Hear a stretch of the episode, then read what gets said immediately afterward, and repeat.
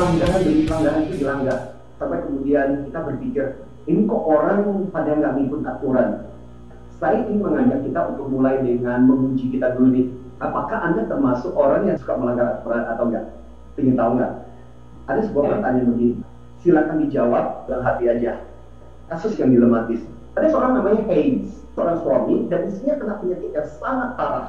Kemudian akan dinyatakan meninggal kalau tidak diobati Kebetulan di kota itu ada seorang kemis ahli obat-obatan yang menemukan obat tersebut. Harga awal obat itu cuma sekitar 200 US dollar. Tapi dia memaksa untuk menjual 2000 dolar karena dia merasa bahwa loh kan udah setengah mati saya bikin obat ini. Dan itu adalah obat satu-satunya yang bisa mengobati istrinya si Haynes ini. Haynes kemudian berusaha untuk minjem uang sana sini dan sebagainya cuma dapat 1000 dolar kurang dong Pertanyaannya adalah, kalau Anda berada di posisinya si Haynes ini, lu bakal mencuri obat itu atau tidak? Karena kalau nggak ada obat itu, istri Anda akan meninggal. Jadi gini, ini sebenarnya pertanyaan yang dibikin oleh seorang namanya Lawrence Goldberg. Dan ini kalau dalam psikologi dipakai sebagai sebuah pertanyaan untuk tes moral. Jadi jawabannya adalah tidak ada yang benar dan salah. Mau curi atau nggak curi, yang penting adalah alasan dibalik itu.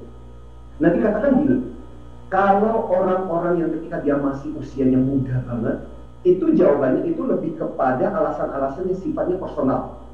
Ya curi dong, soalnya si tukang obat itu udah keterlaluan banget sih. Kan demi istri gue, itu alasan-alasan yang sifatnya personal. Ketika orang semakin dewasa, orang akan melihat dari perspektif yang berbeda. Kamu curi nggak? Curi. Kenapa? Karena manusia nilainya itu lebih tinggi daripada hanya sekedar menegakkan aturan soal mencuri. Ada nilai kemanusiaan di situ. Zaman dulu istilah ini adalah istilah gerakan moral sebenarnya. Pertama kali itu muncul dari tulisannya David Thoreau tahun 1845-an lah gitu loh. Bayangkan, udah zaman dulu banget orang udah mengenal istilah itu. Jadi orang sengaja melanggar aturan karena merasa bahwa itu udah masuk akal Hmm. Contoh misalnya waktu Mahatma Gandhi merasa bahwa pajak yang dikenakan Inggris ke uh, rakyat di India itu nggak masuk akal. Maka kemudian dia mengatakan mari kita boykot karena ini udah nggak masuk akal. Martin Luther King misalnya, waktu ketika dia memulai, mari kita mulai dengan gerakan anti diskriminasi orang kulit hitam dan kulit putih. Ya waktu ketika dia pidato I have a dream misalnya, Nah itu diikuti oleh begitu banyak orang itu namanya civil disobedience. Nah cuma dalam prakteknya kalau kita lihat ke sini ke sini, apalagi kita kaitkan dengan protokol kesehatan lah sekarang ini misalnya, itu bukan lagi gerakan alasan yang moral, alasannya udah agak personal gitu. Kalau ditanya itu macam-macam. Kenapa nggak pakai masker? Kenapa nggak cuci tangan dan sebagainya? Udah, gue udah capek deh. Ada yang seperti itu kan? Ada yang juga bilang bahwa ah itu kan cuma hoax, itu mah aturannya sengaja dibikin. Inspirasi gitu ya. Teori konspirasi ada juga merasa bahwa itu terjadi pada orang lain kayaknya gue bakal baik-baik aja. Atau merasa bahwa soal hidup dan mati itu ada di tangan Tuhan. Nah itu berbagai alasan-alasan yang memunculkan kenapa orang akhirnya kemudian tidak mematuhi aturan-aturan itu.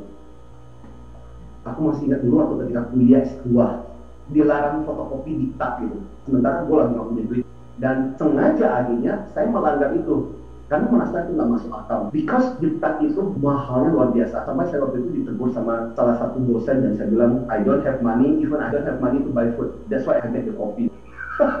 dan si profesor cuma liatin, hmm. Balik lagi ke obrolan kenapa orang melanggar aturan. Jadi gini, bagaimana persepsi pikiran kita terhadap aturan itu?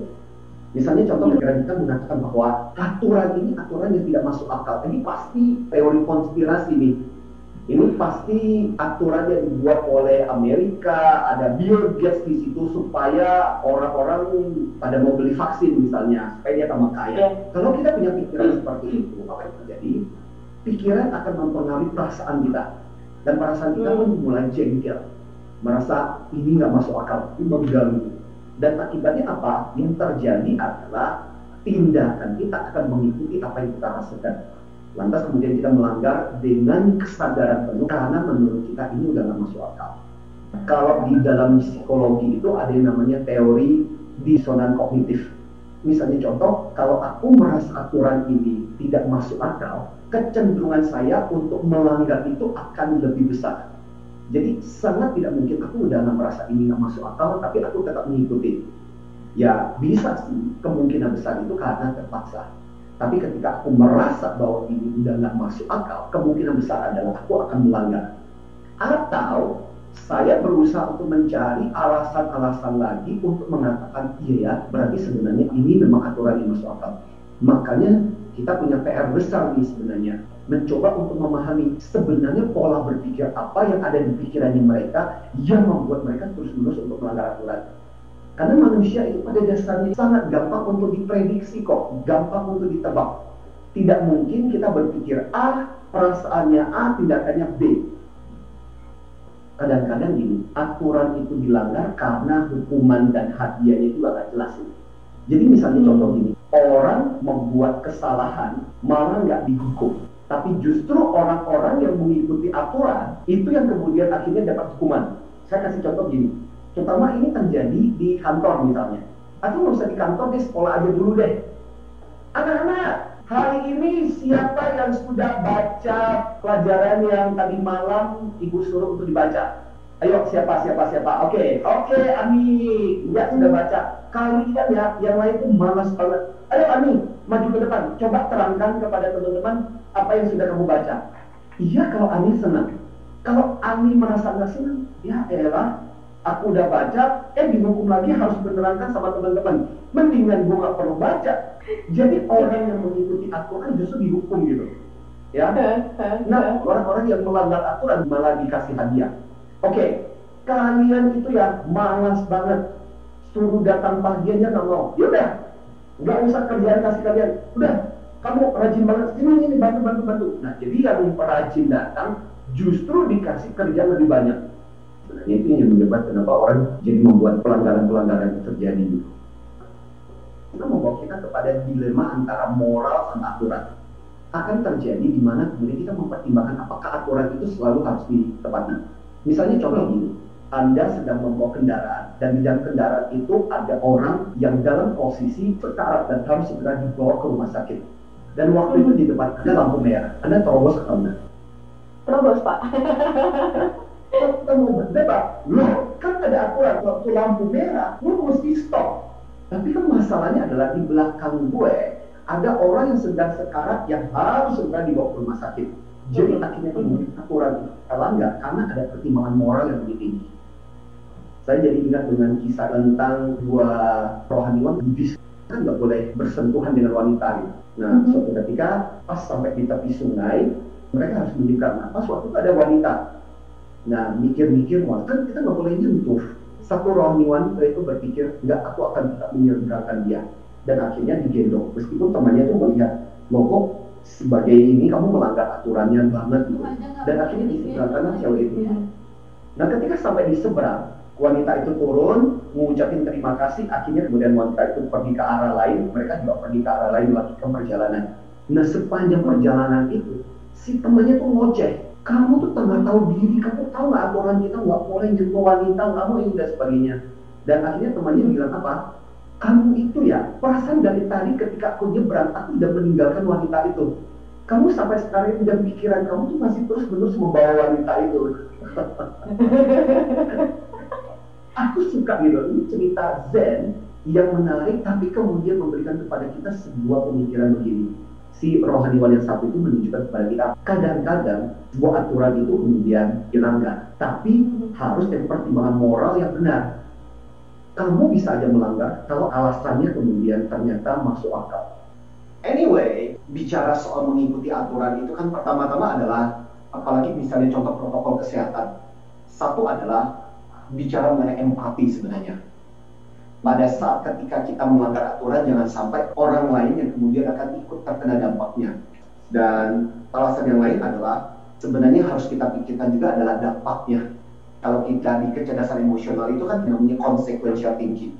Hmm. Hal ketiga sifatnya noble goal. Noble goal itu adalah dengan menjaga diri kita sendiri, sebenarnya pada saat itu kita sedang melakukan sesuatu yang berguna juga buat orang lain bayangkan kita seperti menjadi pahlawan dengan menjaga misalnya contoh kita baru ke pasar Nah, ketika kita membersihkan tangan aja, pada saat yang bersamaan itu sebenarnya kita membunuh virus-virus itu sehingga tidak terjangkit kepada anak dan istri kita misalnya contoh.